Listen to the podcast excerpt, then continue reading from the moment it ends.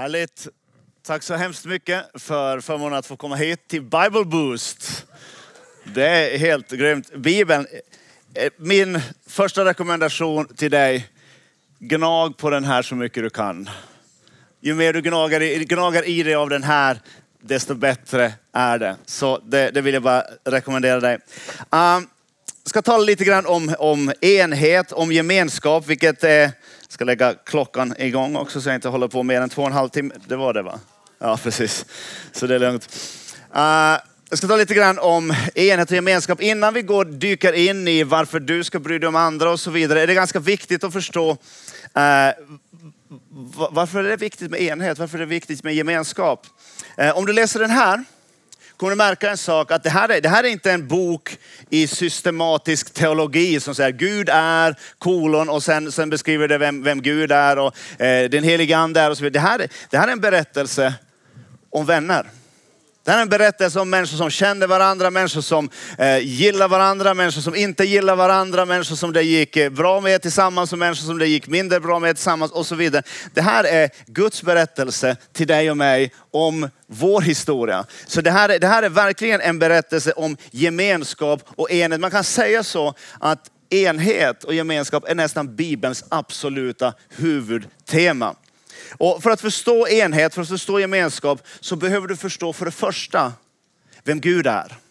Du behöver greppa vem han är. Och i, eh, du behöver inte slå upp det, men i första Mosebok, det första kapitlet, 26 versen, så, så säger Gud redan från början, redan innan han har skapat någonting, eller när han håller på att skapa, så säger han, Gud sa, låt oss göra människor till vår avbild. Redan där, eh, och eh, vi ska inte tala så mycket om, om grekiska och hebreiska idag, men eh, det hebreiska ordet för Gud, Elohim, så står det egentligen i pluralformen. Plural, jag är ingen grammatikerexpert heller, men pluralis, det betyder att det, det, är fler än en liksom. Det är, det är många. Så Gud säger, låt oss göra människor till vår avbild. Gud är med andra ord gemenskap. Gud är relation. Han har inte bara relation, utan han är relation.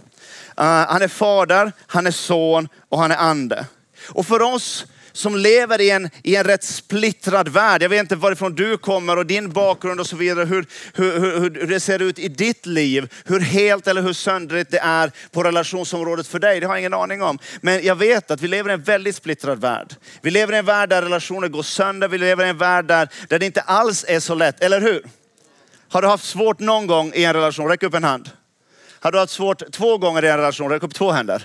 Ja, exakt. Det, det, det, det är så, det, det, är struligt och det är svårt. Men, men, men när vi ser på Gud, när vi ser på den relationen, jag tycker en av de mest fantastiska grejerna man läser i Nya Testamentet, det är att se den relation Jesus har med sin far.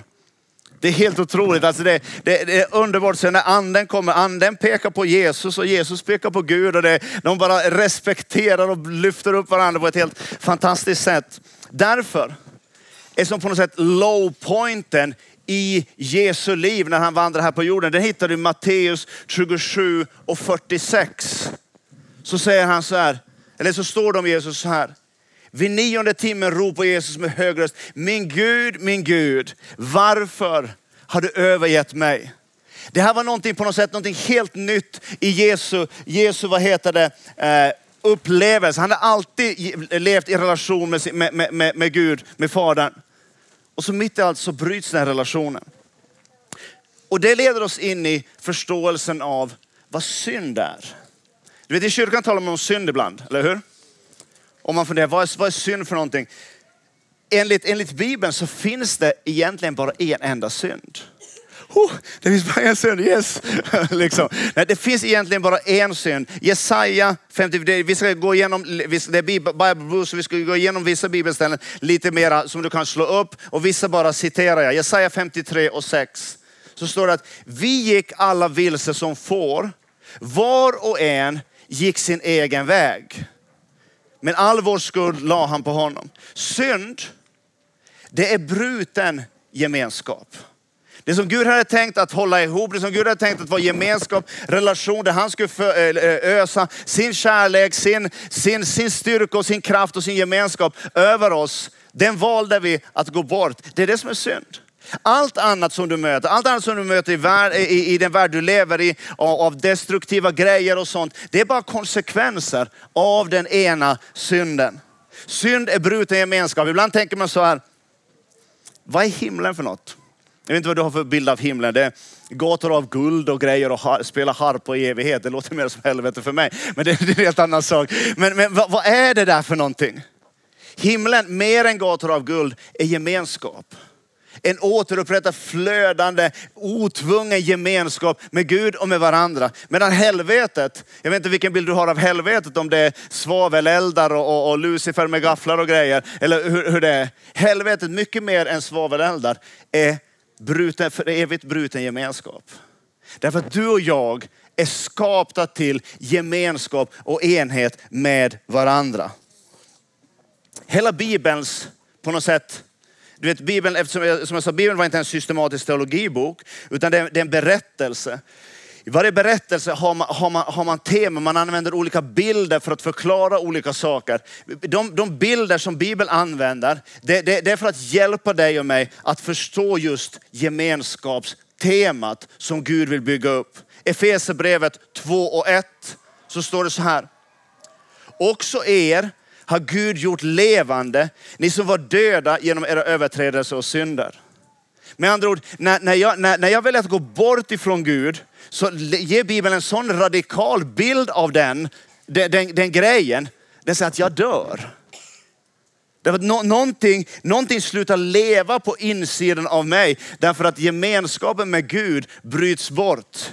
Vi var döda genom vår synd. Synd är bruten gemenskap. Eh, det finns en, en sång som går så här. Every time we say goodbye I die a little. Vem har hört den? Det är, Ella, det är Ella Fitzgerald. Hon sjöng den 1965. Så eh, den fanns inte på Spotify. Inte ens jag var född då, fast, fast jag är så våldsamt, våldsamt gammal. Men lite grann så, så är det. Varje gång vi säger hej då, så är det någonting i oss som dör. Om du, om du, har, om du, har, om du har mist en god vän, inte kanske därför att han, eh, den, den goda vännen har dött eller något, men därför att ni har flyttat, ni har flyttat till, till olika platser. Så är det någonting inom dig som dör lite grann. Det är den bilden Gud ger av gemenskap. Därför är gemenskap så viktigt. Och kanske, kanske är det också så att därför är gemenskap så svårt. Va? Det är svårt med gemenskap ibland, tycker, tycker jag. Men det är så otroligt viktigt. Um, om vi, om vi ser på den, de flesta av er, om du vuxit, speciellt om du har vuxit på kyrkan, så har du hört berättelsen om den förlorade sonen. Eller hur? Vem har hört berättelsen om den förlorade sonen? Ja. Eh, exakt, kanske någon har hört det två gånger. Exakt. Uh, du vet, när sonen kommer på att han, han det, det, här är inte jättesmart. Han sitter där med grisarna och han får ingenting att äta och han tänker det, det, eh, hemma hos min far så, så finns det hur mycket mat som helst och så vidare. Så beslutar han sig för att gå hem, eller hur? Och när han, är på väg hem så, så, så tänker jag, vad ska jag göra nu liksom? Jag, jag har förbrukat halva arvet eh, och så vidare. Han är säkert jättearg på mig. Och så, så, kommer han, så, så, så står det, det, det står så, det, jag tycker det är kul med Bibeln för den är så detaljerad ibland. Det berättar den, på något sätt, den här förlåtelsebönen som den förlorade sonen ska be när han kommer hem. Far, jag har syndat inför himlen och inför dig. Jag är inte längre värd att kalla din son. Men låt mig åtminstone få bli som en av dina daglönare. Han, han repeterar den här bönen om och om igen. Har du läst när han kommer tillbaka till sin far vad som händer? Han kommer tillbaka, hans pappa kommer ut kutande och, och kastar sig om halsen på, på, honom och kramar om honom. Eh, och så, så börjar han, far jag har syndat mot himlen inför dig. Och så hinner han inte längre än det. Läs det själv, han är inte längre. Utan far, hans pappa bara avbryter honom och säger, han säger så här. Men far sa, min son var ju död men han har fått liv igen. Han var förlorad men han är återfunnen. Och festen börjar. Va? Så Gud verkar, det, det, här är ju, det här är ganska drastiskt liksom. Gud verkar inte ens vara intresserad av hans fina eh, ursäktningsbön. Det enda fadern, det enda Gud var intresserad av, det var att tidigare var min son borta, men nu har vi, gemen, nu har vi gemenskap med varandra på nytt. Det var det enda det betydde något. Han gav honom fina kläder, han gav honom ring, det var fest. Den förlorade son, eller den hemmavarande son, han blev vansinnig. Va? Vad är det här för någonting? Han har, han har, han har slarvat bort allt, halv, halva din egendom. Spelar ingen roll, säger pappan. Min son, han har kommit hem och det är värt att fira. Du och jag, det här, det här är på något sätt grunden till varför gemenskap och enhet är så viktigt. Varför det på något sätt ligger så nära Guds hjärta. Det handlar inte egentligen om någon sorts eh, vad ska jag säga, organiserad ekumenik eller att vi på något sätt ska tycka lika, att vi ska tänka lika. Utan vad Gud är efter, det är att upprätta relationen mellan han och dig och relationen mellan människor runt omkring dig och dig själv. Det är Gud efter. Hela Bibeln bygger på det här. Bibeln säger väldigt klart att vi är, vi är verkligen beroende av gemenskap. Ibland tänker jag så här, om man ska bikta sig lite så här offentligt. Ibland tänker jag så här, det vore mycket lättare om man fick vara själv. Va? Eh, om man frågar sig själv någon gång, eller en fråga, man får sådana svar alltså. Vilken vishet! liksom, wow, varifrån kom det där liksom? Frågar man någon annan så kommer det bara så här töntigt ändå. Så ibland, ibland tänker jag så här, det, det vore lättare att få vara själv. Därför att då kommer man överens oftast med sig själv. Inte alltid, men oftast. Eh, det finns ett märkligt, jag tycker om de här lite märkliga bibelställena. Slå upp första Johannes brev i slutet av Nya Testamentet. Första Johannes brev. Eh, det första kapitlet. Johannes annars, det, jag, jag, jag, ska slå ett slag för Johannes, han är en kul typ. Jag, jag gillar Johannes. Ni vet Matteus, Markus, Lukas och Johannes, eh, Matteus, Markus och Lukas, de berättar liksom så här i evangelierna då att Jesus gjorde det här, han gick hit och han gick dit och runt en liten bit och så vidare. De berättar lite så här om Jesus. När Johannes berättar om Jesus, man har ingen aning om var, var de finns i, i liksom kronologin. Han bara, äh, det är bara kärlek liksom. Han bara berättar hur mycket han älskar Jesus. Johannes är en kul typ, läs honom. Första Johannes, det första kapitlet och den femte versen så står det så här. Det här är budskapet som vi har hört från honom och förkunnat för er. Att Gud är ljus och inget mörker finns i honom. Om vi säger att vi har gemenskap med honom och vandrar i mörkret, då ljuger vi och handlar inte efter sanningen.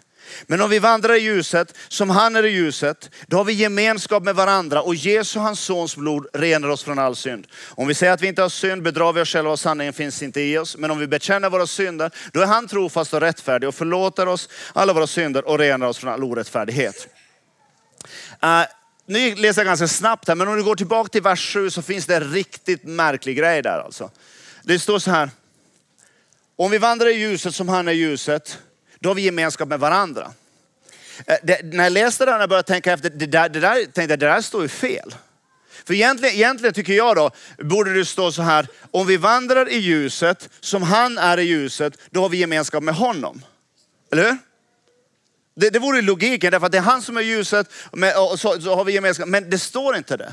Utan det står, om vi vandrar i ljuset som han är i ljuset, då har vi gemenskap med varandra. Och det blir lite värre därför att det står, och Jesu hans sons blod renar oss från all synd. Vi, vi, har alla saker i vårt liv som vi kan kalla synd, som, som, saker och ting som vi misslyckas med, som vi behöver ha, ha, få, få bli fria ifrån, eller hur? Saker och ting som vill dra ner oss, saker och, ting, saker och ting som vill förstöra för oss. Och det vore ju ganska bra om det, det är bara att det går till Gud liksom. Går till Gud så blir, blir allting bra. Det är Gud och jag, vi, vi är ett bra par. Om inte jag är själv så åtminstone då kan jag sträcka mig så långt som jag och Gud. Där går gränsen liksom. Det, det, det, det, det, då räcker det. Men så säger inte Bibeln. Utan Bibeln säger så att då har vi gemenskap med varandra. Det betyder med andra ord att jag är beroende av gemenskapen med mina, med mina vänner som delar min tro för att också få förlåtelse för mina synder. Varför är det så? Jo, det är nämligen så här att när, när, när du kämpar med någonting, när du kämpar med någonting som du vet inte är bra för dig, eh, men du håller det för dig själv. Då, då, då, då kan man billigt då, så här, säga att då, då, ligger, då finns det i mörkret. Eller hur? Det finns, det, du, du, har, du har det i, i, i dig, men du, du, du, delar inte med någon annan. Det, det, det är mörker. Och det, vi vet vad Bibeln säger, vem som, har, vem, som, vem som regerar i mörkret. Vem som har makten där. Men, men, det som händer när jag, när, när jag, när jag ödmjukar ibland och så, och så går jag till någon annan och berättar det för någon annan. Vad som händer då, det är att det som, det som fanns i mörkret här, det, det, det flyttas nu fram i ljuset. Därför att du vet om det. Och då är det inte längre bara min lilla hemlighet som jag, jag går och kämpar med, utan, utan det, det lyfts fram i ljuset. Och vi vet ju vem som har makten i ljuset, eller hur? Där har Jesus makten. Och det, det märkliga är att han har gjort oss beroende av varandra för att vi ska kunna leva ett kristet liv som fungerar. Och det, det, här, det här tycker jag är knöligt. Have to admit. Det, det, det, tycker jag är, men så här har han gjort det. Och problemet med Gud är att han frågar aldrig mig om lov. Liksom. Får jag göra det här? Nej. Utan så, så här funkar det. Han har skapat oss, han har designat oss, han vet hur vi fungerar. Ensamhet. En, jag menar, vi har ju ordspråk som de som har, de som har uppfunnit de här ordspråken borde sättas i fängelse för evig tid. Liksom. Som säger till exempel, ensam är stark. Ja, men vad, vad, vad är det för snack? Ja, ensam är extremt svag, ensam är extremt utsatt. Men om vi vandrar i ljuset som han är i ljuset, då har vi gemenskap med varandra. När vi har gemenskap med varandra, eller som, eh, som, som ett annat bibelställe, Jakob eh, 5 och 16 säger, när vi bekänner våra synder för varandra. Vi tänker så här, ja, vi bekänner våra synder, jag bekänner mina synder för Gud. Liksom. Och det kan du göra, absolut, det, det, det, det, det funkar. Men, men så säger inte Jakob. Han säger, när vi bekänner våra synder för varandra och ber för varandra, då blir vi helade. Så det är inte bara så att gemenskap är ett sånt jättebra tillval, liksom. det, det, det funkar och, och det, det, det, är någonting fint. Utan jag, jag är beroende av andra människor i mitt liv för att mitt liv ska fungera. Sen, går Bibeln till nästa bild som vi, som vi ska ta. Eh, och det, det är eh, i... Oj, det har jag inte skrivit upp ens vad det är. Nu måste vi se här. Det är väl i, i, i Bibeln tror jag.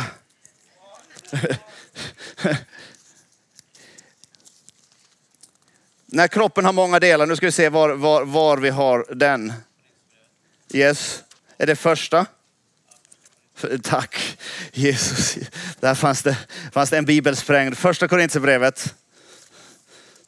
eh, första Korintierbrevet. Vi ska se. 12 och 12 är det väl? Det låter, det låter som bekant. Tack. Uh. Så står det så här. Vi läser, vi läser här. Eh, första Korintierbrevet 12 och 12. Kroppen är en och har många delar. Men trots att kroppens alla delar, och de är många, utgör de en enda kropp. Så är det också med Kristus. I samma ande är vi alla döpta för att höra till en och samma kropp, vare sig vi är judar, greker, slavar eller fria. Och vi har alla fått samma ande utgjuten över oss. Kroppen består inte av en enda kroppsdel utan av många. Om foten sa, jag är inte hand så jag hör inte kroppen, så hör den ändå till kroppen. Om örat säger, jag är inte öga så jag hör inte till kroppen, så hör den ändå till kroppen. Om hela kroppen var öga, var fanns då hörseln? Och, om allt var hörsel, var fanns då luktsinnet? Men nu har Guds, Gud satt samman delarna i kroppen, var och en som han ville. Han får alltid som han vill, det, det är märkligt det här. Mm. Om, all, om alla vore en enda kroppsdel, var vore då kroppen? Men nu är kroppsdelarna många och kroppen ändå en. Ögat kan inte säga till handen, jag behöver dig inte. Inte huvudet till fötterna, jag behöver inte dig. Nej, tvärtom har de delar av kroppen som verkar svaga så mycket mer, eh, är så mycket mer nödvändiga. Och de delar av kroppen som vi tycker är värda minst, är värda mindre heder, klär vi med så mycket större heder. Om de som vi blygs för skyller vi så mycket, med så mycket större anständighet. Någonting som något som våra anständigare delar inte behöver. Men Gud har satt samman kroppen och gett de ringare delarna större heder för att, de inte, för att det inte ska bli splittring i kroppen utan för att delarna istället ska ha samma omsorg om varandra. Om en kroppsdel lider så lider de andra med den. Om en kroppsdel blir ärad gläder sig alla andra delar med den. Ni är alltså Kristi kropp, var och en för sig delar av den. Det här är ett fantastiskt bibelställe som berättar, jag menar, man kan ju tänka så här att varför är inte alla likadana kroppsdelar? Va? Varför ser inte alla likadana ut? Nej, för, för att så vill inte Gud ha det. När vi talar om enhet, när vi talar om gemenskap, talar vi inte så att nu ska alla se likadana ut, nu ska alla tänka likadant, nu ska alla uppföra sig likadant. Det vore jättetråkigt. Jag menar, om ni allihop såg ut som mig, det vore ju supertråkigt, eller hur? Ja, gammal liksom. och så. Nej, det var inte bra överhuvudtaget. Och så tänkte inte Gud. För man kan tänka så här, eh, har, har, du någon gång, har du varit på ICA någon gång? Har du varit? Yes. Har du, har du någon gång där du gått på, gått på ICA och, och köpt din favoritsmoothie eller whatever, när, när, när du har, gått, har du någon gång sett en magsäck komma körande med en kundvagn? Va? Det har du inte gjort? Det vore, det vore ganska gross, eller hur? Jag kommer magsäcken körande med en kund. Men egentligen är det ju magsäcken som är hungrig. Det är ju den som gör, eh, gör konstiga läten och grejer och kurrar. när den är hungrig. Så den borde gå ut. Nej, hela kroppen går att handla på ICA. Och lite så är det tänkt i Guds rike. Hela kroppen är, är, är samlad. När, när, när vi kommer tillsammans, då funkar det liksom. För det inte du har, det har jag och det inte jag har, det har du. Och det, det, som är, det, det finns ju ingen konkurrens. Vilken kroppsdel är viktig? Ja, jag vet inte, men kapa av något ben från en arm så vet du att det, det, var nog ganska viktigt ändå. Så jag är blindtarmen i Guds rike eller någonting sånt. Nej, det, det, det är du inte. Överhuvudtaget. Du är inte blindtarmen i Guds rike. Utan du har en viktig funktion. Därför så, för så han formade den som han ville ha den. Så att när, när du är en del av helheten så är du den del som han vill ha. Du behöver inte säga som ögat, ah, men var, eller örat, varför är inte ögat? Det är så jättemycket vackrare. Han, jag menar, när man är kär då ser man ju in i ögonen, man ser inte in i öronen. Eller, eller hur? Och, och sånt. Så det, det, det finns här, ibland har vi en sån tendens som människor att allt det vi inte är, det är det vi vill vara. Eller hur? Men, men i gemenskapen funkar det inte så. Utan i gemenskapen, just den du är, det var det som kroppen behövde. Det var ditt bidrag. Som, om, om du går ut härifrån idag och bara känner det, så har vi kommit jättelångt med den här Bible Boost. Om du går ut härifrån och känner det, så här som jag är. Ja, mitt öra är lite lägre, eh, det högra är lite lägre ner än det vänstra och, och, och så vidare. Precis så här som du är. Så har Gud satt dig i kroppen. Inte därför att du är perfekt. Inte därför att det, det finns områden i ditt liv som kanske behöver hela. Det finns områden i ditt liv som kanske behöver förändras. Absolut. Men Gud har satt dig i kroppen precis som han ville ha. Du behöver inte fundera på det längre. Plats eller inte. Nej, du platsar. Hör jag hit eller hör jag inte? Nej, du hör hit. När, när du lämnar så blir kroppen aldrig densamma. Fråga någon som har, som har tappat, tappat en tå. Det, det, det blev aldrig samma. Därför att varje del är unik. Men, är, men det, det, är inte så att, att man, man, man, plockar bort tån och så, så är tån unik där på sitt sätt. Den, den ruttnar så småningom. Och så här. Vi ska inte gå för långt i den bilden. Men i alla fall, den, den har sin unika plats. Och den platsen har du. Paulus gör enormt frimodiga uttalanden för sin tid. Jag menar, vi lever i en annan tid. Men när Paulus säger, vi kan gå dit, i Eh, Kolosserbrevet. Kolosserbrevet, det tredje kapitlet. Och elfte versen där.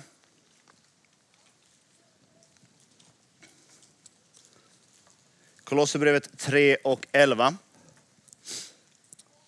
så säger han så här, för, för oss som lever nu 2018 och så och i, i, i västvärlden så är det lite svårt att ta in det här och förstå, men vad är det för konstigt med det där liksom. Men om, om, man, om du ska leva på Paulus tid och i den kulturen så är det här var ett otroligt uttalande där han säger, här är inte längre grek eller jude, omskuren eller oomskuren, barbar eller skyt, slav eller fri, utan Kristus är allt i alla.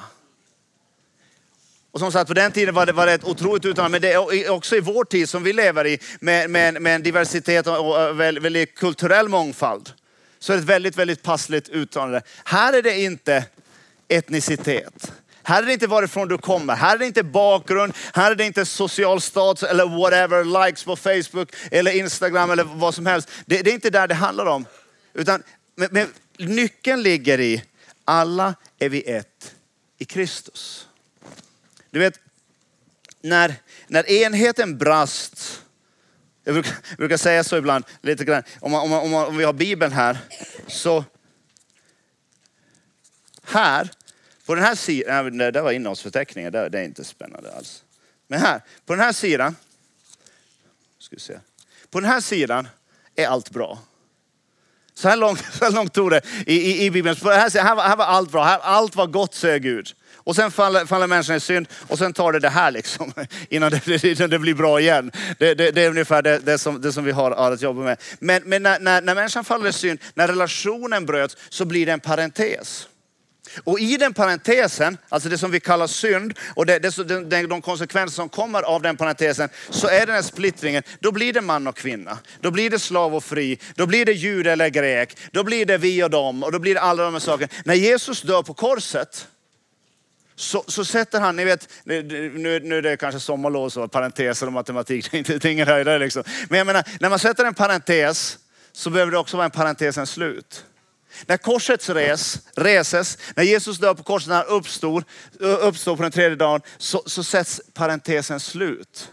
Och därför kan Paulus säga, nu är det inte längre man eller kvinna, som i det samhället var helt otänkbart. Nu är det inte längre jude eller grek, som i det samhället var helt otänkbart. Nu är det inte heller slav eller fri, som i det samhället var helt otänkbart. Utan alla är vi ett i Kristus. Det, det, det är det som är på något sätt gemenskapen, det, det är det som är jämställdhetens, den kristna jämställdhetstankens totala grundkoncept. Och det, där, det, det, det skrevs inte 2018, utan det skrevs liksom år 40, 50 eller 60 eller någonting sånt. Alla är vi ett i Kristus.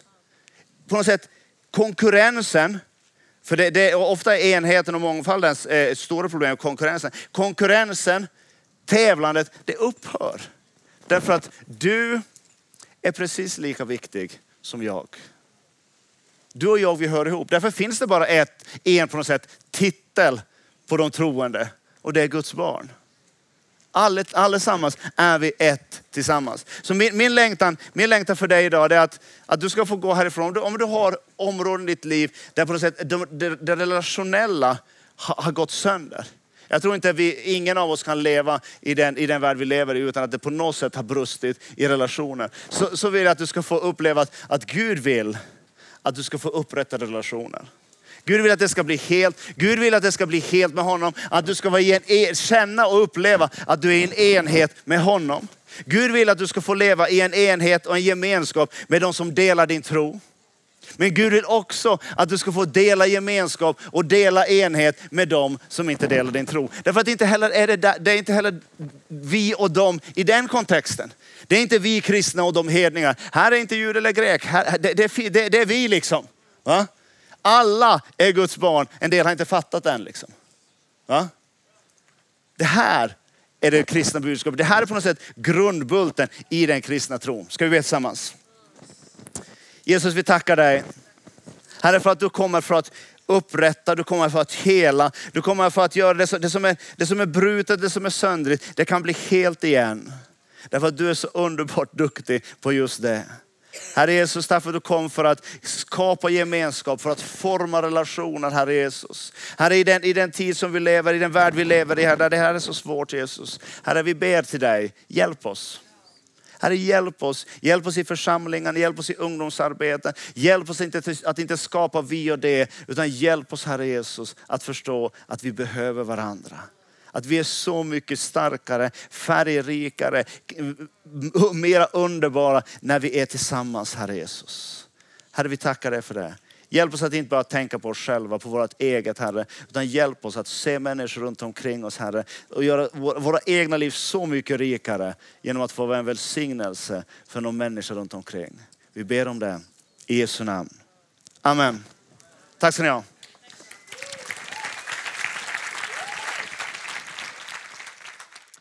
Så kommer vi nu att bjuda upp Stefan här igen och vi kommer ha ett samtals ja, Q&A, samtala tillsammans kring dagens ämne. Så har du inte skickat en fråga och vill det, så varsågod att eh, skicka in frågor till det numret som finns på skärmen.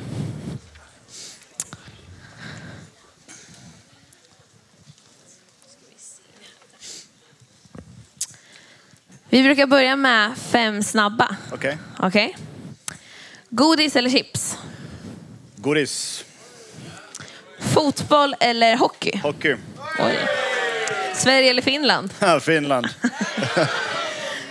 Tacotallrik eller hamburgare? Tacotallrik.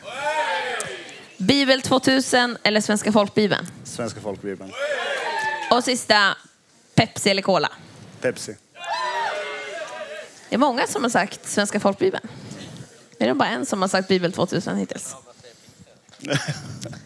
Kan det ha med att vi är i pingst att göra? Kanske. Kanske. Kanske det. Kanske. Vi har lite frågor här då, ja. som vi ska samtala kring. Den första då, är en som har kommit som har skrivit som säger Vad får jag ut av enhet? Bra fråga. Uh, för det första tror jag att enheten gör, gör om jag, sa, vad får jag, om jag säger vad får jag ut, om jag sa vad jag, jag som får ut då. Eh, jag blir en större människa. Eh, häckar jag bara för mig själv så, så, så snöar jag in på mitt och mina grejer och så vidare. Eh, det, det är lite som Matteus, Markus, Lukas och Johannes som beskriver Jesus. Eh, alla beskriver Jesus, alla beskriver samma, samma events och så vidare, men det blir som en tredimensionell bild eftersom alla står liksom och kikar på honom lite från olika håll. Om det är bara jag och, och, och min syn så, så blir jag, jag, blir- jag blir mindre som människa helt enkelt. Jag blir större som människa genom enhet. Det är en grej i alla fall. Alltså jag tänker att man har hur mycket som helst att lära av enhet också. Absolut. Typ, eh, några av mina största förebilder när jag växte upp var några äldre i församlingen som hade gått före och som jag kunde lära mig av. Jag har lärt mig saker av Bibeln från människor som kommer från andra kulturer för att de fattar vissa bibelord på ett sätt som inte jag förstår dem. Därför att de kanske rent utav kommer från en kultur mer nära. Alltså, Ja. det, finns, det finns så mycket att lära av varandra och saker som det är så lätt att tänka att vi har det bäst. Eh, men vi har faktiskt saker att lära av varandra. Så är det. Det är några stycken som skriver om eh, kring samma fråga kan man säga. Det handlar om just det här med att vi är skapade olika. Ja. Precis som du pratade om, vi pratade om kroppen, att vi är olika delar. Men om vi då är skapta olika, eh, varför vill Gud att, vad är det som är så viktigt med att leva i en enhet om Gud har suttit oss till att vara olika? Och måste vi då blanda oss i församlingar? Eller vad, vad, liksom, vad ska det, vad, vad är nytta med det? Lite grann om jag fortsätter på det, det, mitt förra svar så är det ju så att, att vet du, orsak, liksom du var inne på, orsaken varför vi är olika är ju att vi får lära varandra. Uh, och, eh, och, och om, det, om det är bara samma typer så, så blir jag så här, jag blir, jag blir väldigt smal och det blir väldigt tråkigt. Ja, men det, det är bara att se på svensk. nej, nej, sorry. nej, man, man, är så här liksom och, och, och, och, och så. Medan, medan eh, eh, eh, det efter, jag skulle säga så här, det är ju på grund av att vi är olika som vi behöver umgås med varandra. Om vi vore lika varandra så det, då då är gemenskapen inte på samma sätt. Liksom. Den, den, den förstorar inte mitt liv på samma sätt. Just det. Men tänker du då likadant kring åsikter och teologi? Bör vi alla tänka exakt likadant då? Nej, det behöver jag absolut inte göra. Eh, jag, menar, jag tänker inte lika som, som en yngre version av mig själv ens. Utan man, man förändras. Det är klart att, att som kristen, som troende, så finns det ju grundläggande fundament med, med, med, med Jesus Kristus, honom som Guds son och, och, och, och, och så, så vidare som, som, som jag upplever att Bibeln är, är klar på. Det är klart att där, där finns någon form av samsyn, men sen, sen, sen har vi olika och det, det är det Bibeln säger, att det är tillsammans med de heliga som vi förstår bredden, längden, höjden och djupet. Det, det blir inte så mycket brett, det blir inte så mycket längd eller höjd eller djup när det är bara jag och min åsikt, liksom, eller vår lilla ungdomsgrupp eller vår lilla församling eller någonting sånt. Men om vi inte kommer överens då? Ja, men det är väl rätt bra. Är är inte, är inte det kanske en av de absolut bästa skolorna på något sätt, att vi inte kommer överens? För jag menar, eh, det, det är frågan om vad gör vi när vi inte kommer överens? Säger vi så här, ah, men, ah, men du tycker inte som jag, du kan gå någon annanstans. Liksom.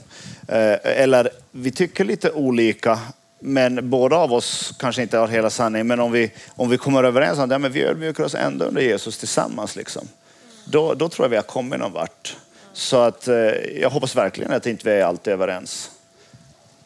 Det är lite samma sak som med ett äktenskap. Jag har varit gift i, ja, sen apostlarna gick här på jorden ungefär. Så, och, och, vi har inte alltid kommit överens. Men jag menar, att inte komma överens och att älska varandra, det är ju totalt två olika saker. Jag, älskar, jag är galet kär i min fru. Men hon är ju, och nu är hon inte här, hon är ju korkad ibland. Det är, det är, bara, det är bara så. Förstår inte allt, lika som jag. Så, att, så tycker jag. Du vågar säga det trots att din son är här och skvallrar sen. Ja, men vi är på samma sida så det är lugnt. Men har du några tips? Jag tänker, det är okej att vi inte kommer överens. Men hur gör vi då när vi inte kommer överens? Hur, eh, hur agerar vi? Hur tänker vi? Hur, hur bemöter vi varandra i ett sånt läge? Jag- tycker så här att eh, en sak som man, man tänker, ibland tänker man gemenskap och enhet att man ska söka minsta gemensamma nämnare, att vi ska skala ner allt så mycket som möjligt att, att, att, så, så vi kan komma överens. Jag, det tycker jag absolut inte. Jag tycker att, jag tycker att man ska man ska våga stå det för det man tror på, man ska, man ska ha uppfattning, man ska ha åsikter eh, och, och, så vidare. Samtidigt som man har, har en ödmjukhet att jag fattar kanske inte allt och så. så, att, så att, för det, det är den allmänna uppfattningen, om vi talar om ekumenik till exempel, att vi, vi ska trycka ner alla trösklar så långt det bara går och sen, sen kommer vi, då, där vill ju ingen vara med överhuvudtaget. Men, men om man, om man, eh, för jag tror att det är i det också i mötet med de som tycker lite annorlunda, det är då jag kan ställa mig också själv frågan, varför tror jag som jag tror? Och kanske i de bästa världarna får jag själv gå till Bibeln lite grann och, och kika. Det, till exempel om vi tar en sån sak som dopet. Varför tror jag som jag gör om dopet? Människor kommer till mig och frågar att, att tycker du att jag ska, jag har en, del, en hel del lutherska, människor från lutherska kyrkan som, som vänner, tycker jag att jag ska döpa om mig så, så säger jag så här att ja, vad jag tycker är ganska irrelevant i, i sammanhanget. Men, men, läs de här bibelställena och bilda dig en egen uppfattning. Att vi lite myndigförklarar också, eh, också varandra och oss själva att, att vi kan ha olika åsikter. Och där tänker jag att eh, i gemenskap med andra växer ju sånt fram också. Mm. Eller av egen erfarenhet nu när jag studerar teologi, att vi får sitta i en tolkningsgemenskap mm. och du vet, läsa boken och brottas med, med Bibeln. Och, och jag hade nog inte kommit fram till vissa grejer i mitt liv och landat i vissa frågor i mitt liv om det inte vore för att någon annan sagt någonting annat. Exakt. Så. Att det kanske från början var något som, va? Nej, men jag är född och stöpt och uppvuxen i en församling och en tro och har med mig mina föräldrars tro mycket också. Men när man väl får, får brottas lite med det och brottas lite med sin tro eller en fråga och i gemenskap med andra så får det utvecklas och växa. Och det tycker jag har varit betydelsefullt. Att, det tänker jag är jätteviktigt i ungdomsgrupper och mera ungdomsledare och pastorer att få få tillsammans med andra få brottas med de frågorna. Och där tänker jag att åsikter kan vara olika och man kan komma överens och man kan lära mycket av det. Exakt. Att möta andra. Så. Angela Merkel sa det i början av, av den flyktingvågen som vi upplevde att, att eh, då, då man talar om oron med den ökade invandringen av, av människor med islamsk bakgrund så sa Angela, Angela Merkel så här att kanske det är dags för oss i västvärlden att, att tänka på vad tror vi? Och det, hon kan ha olika bakgrunder från varför hon säger det, det, det, det har jag ingen uppfattning om.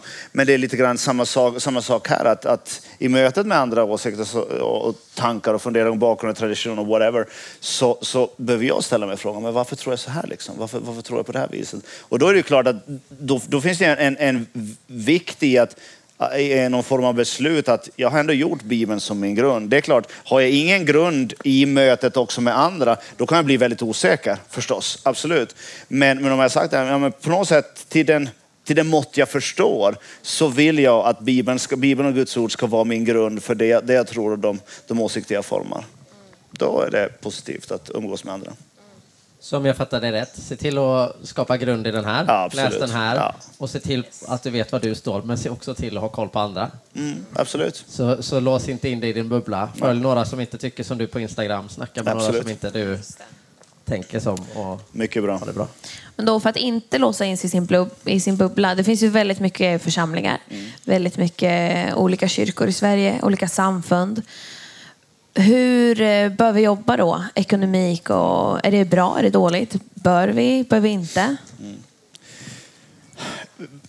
Några saker där. Jag, jag, tror, jag tror, för det första så tror jag att det är extremt viktigt, precis som jag gjort Bibeln till grund för mitt liv, så, så är, jag, är jag del i en lokal församling.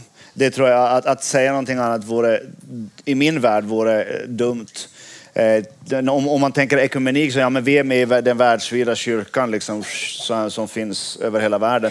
Den är lite svår att se och det är lite svårt att, att, att, att, att relatera till, till, den. Så jag tror att ekumenik handlar som, för det första inte att vi ska bli likadana.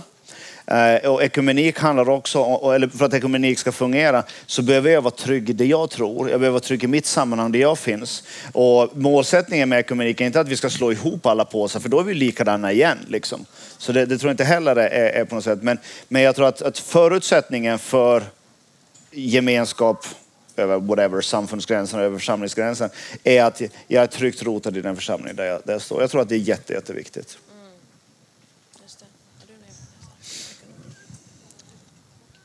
Har du, har du så några konkreta tips på så här gör jag eh, för att faktiskt bredda mitt umgänge eller se till och, och inte bara hänga med de som är som mig? Mm. Eller... Eh, Det, det, där, det där beror på om man menar i kontexten församlingar eller om man menar i kontexten samhället.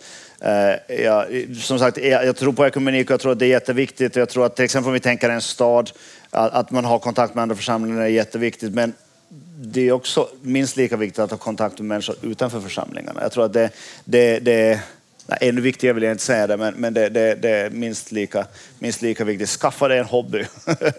Skaffa dig ett intresse. Gör någonting. Jag tror, jag tror att ekumenik blir, och om man tänker församlingsinternt, ekumenik blir också rätt tråkigt om det, vi ska sitta runt ett bord och tycker vi likadant. Jag menar, who cares liksom. Eh, på det sättet. Men, men om vi tänk, till exempel känner tillsammans, jag menar, det finns, nu är vi fem församlingar i den här stan, men det finns liksom några som inte är med ännu i, i församlingen.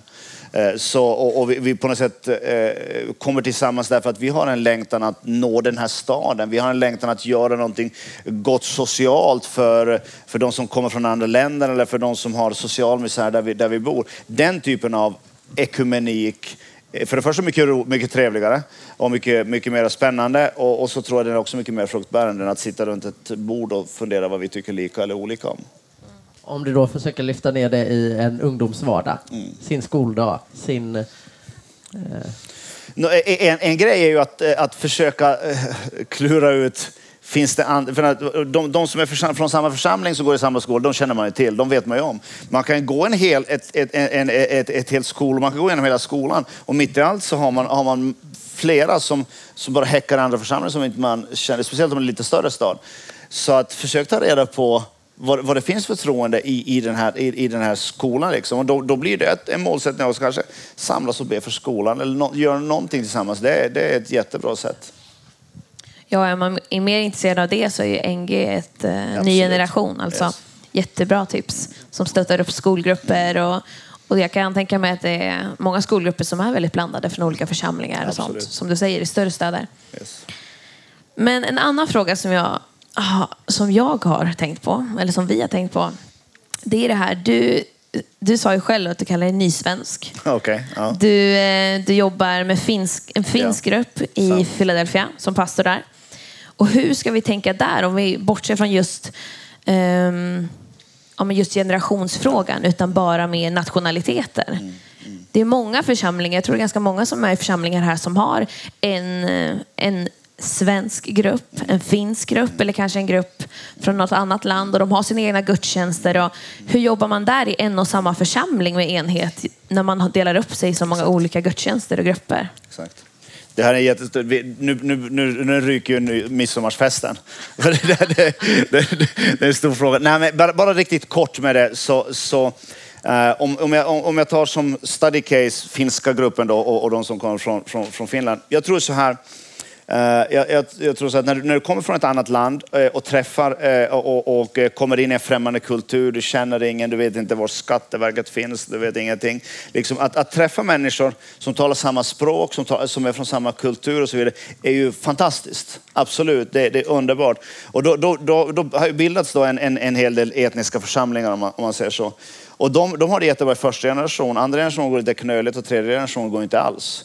Det är klart att en, en tredje generations finländare som, som eh, går i den svenska skolan, som har svenska vänner och så vidare. Vart ska han föra sina polare liksom? Till en finsk församling? Det är ju bara att glömma liksom.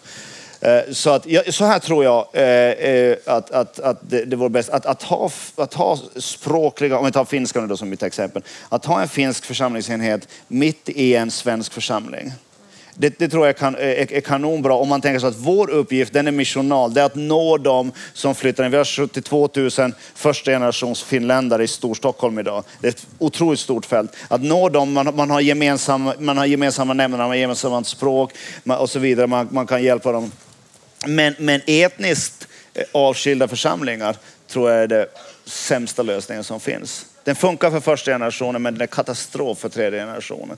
Så att, och sen, sen tror jag inte heller att man säger att ja, men alla ska komma in i den svenska gemenskapen på, på, på en, en gång. Ja, men alla kan inte små grodorna och de här grejerna som, som, som, vi, som, som vi talar om. Utan, utan eh, en, en kombination där du har där du har små grupper kanske i mindre församlingar, där du har församlingsenheten med, som är språkbaserade, men som är en del av, av den större helheten. Så tror jag det kan vara ett vinnande koncept.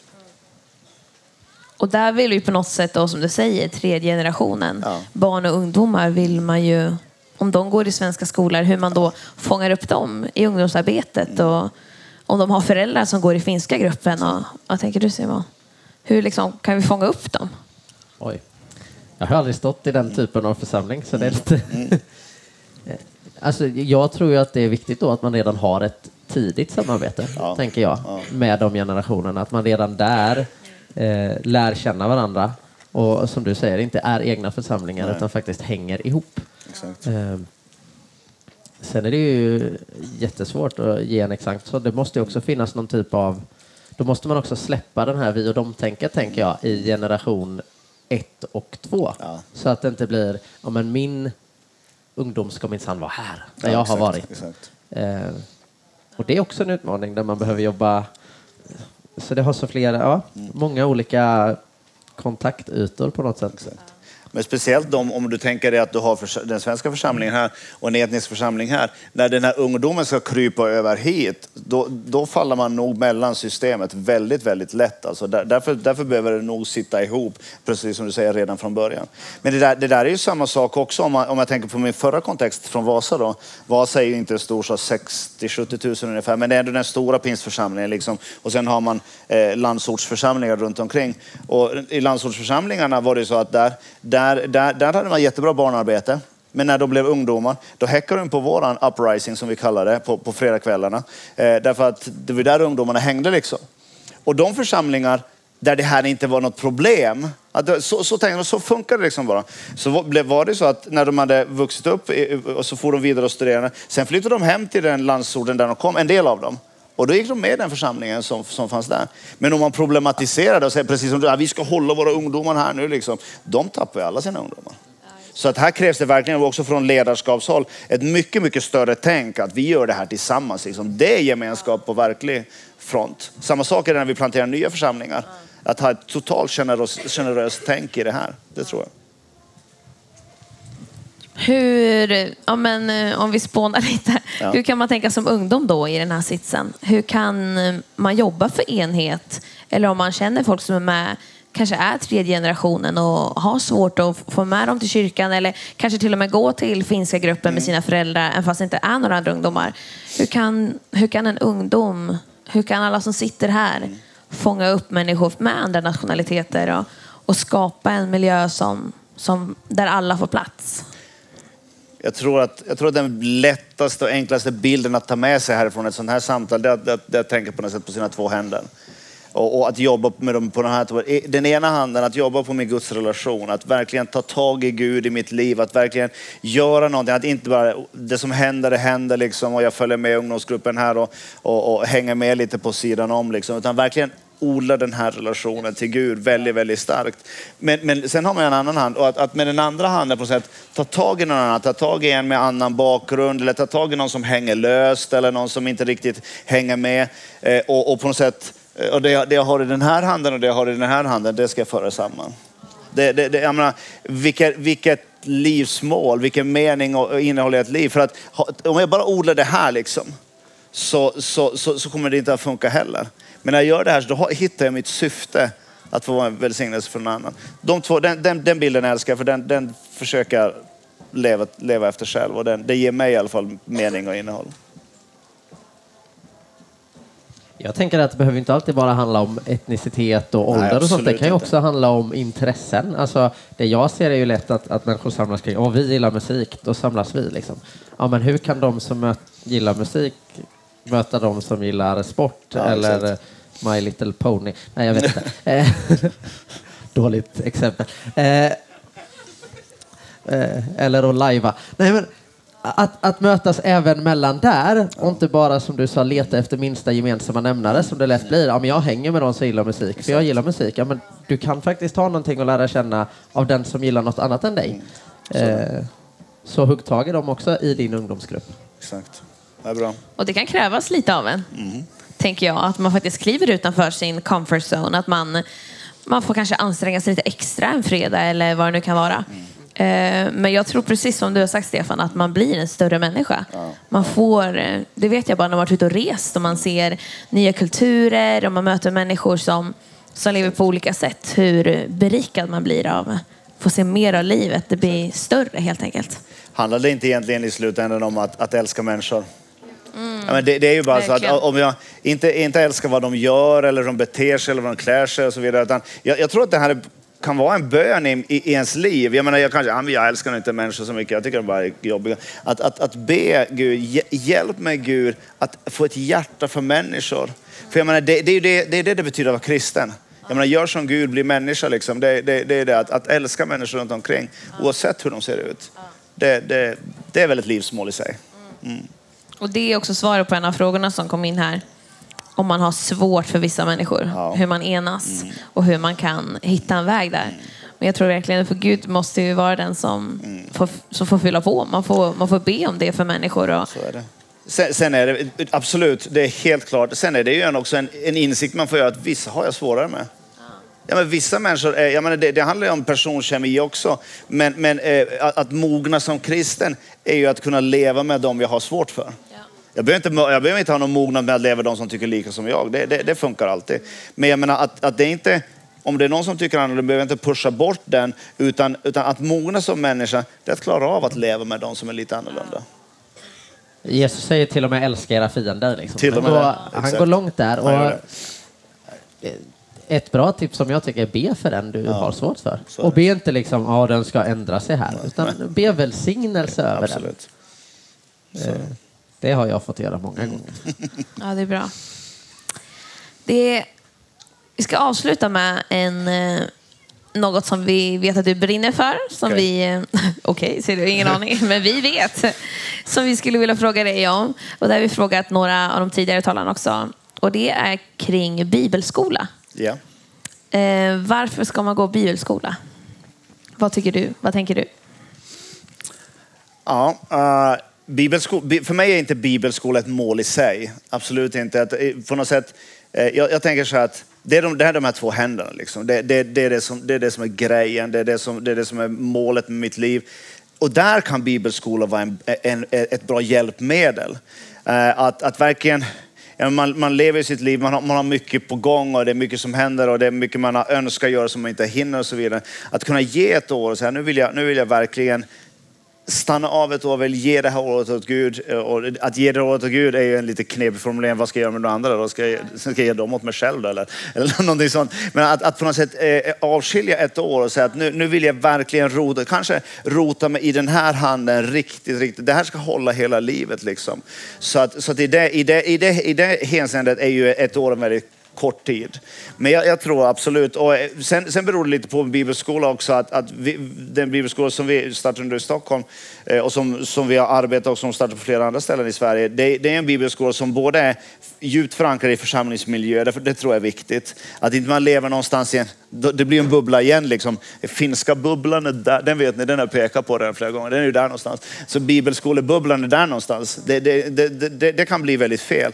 Men en bibelskola som är djupt förankrad i en församlingsmiljö där jag får praktisera det jag lärt mig, där jag får verkligen leva tillsammans med andra. Samtidigt som man får ett väldigt, väldigt bra grundläggande teologiskt eller vad vi vill kalla det, paket så att jag verkligen vet. För att jag, jag kan gå, jag kan gå i, i kyrkan hela mitt liv och ha hört mycket om mycket men jag kan ha väldigt, väldigt stora hål i min kunskap om, om helheten i hur, hur Gud tänker. Jag tror en bibelskola är väldigt bra på det sättet att den, den täcker väldigt brett helhetstanken av vad Gud har. Och den får man inte alltid på ungdomsgruppen eller i smågruppen eller på, eller på gudstjänsten på samma sätt. Därför tror jag det kan vara väldigt bra. Ja, men vad härligt. Så roligt att du var här med oss idag. Mm. Kul att få vara var här, Jätteroligt. verkligen. Ska vi ge en applåd? Tack så mycket.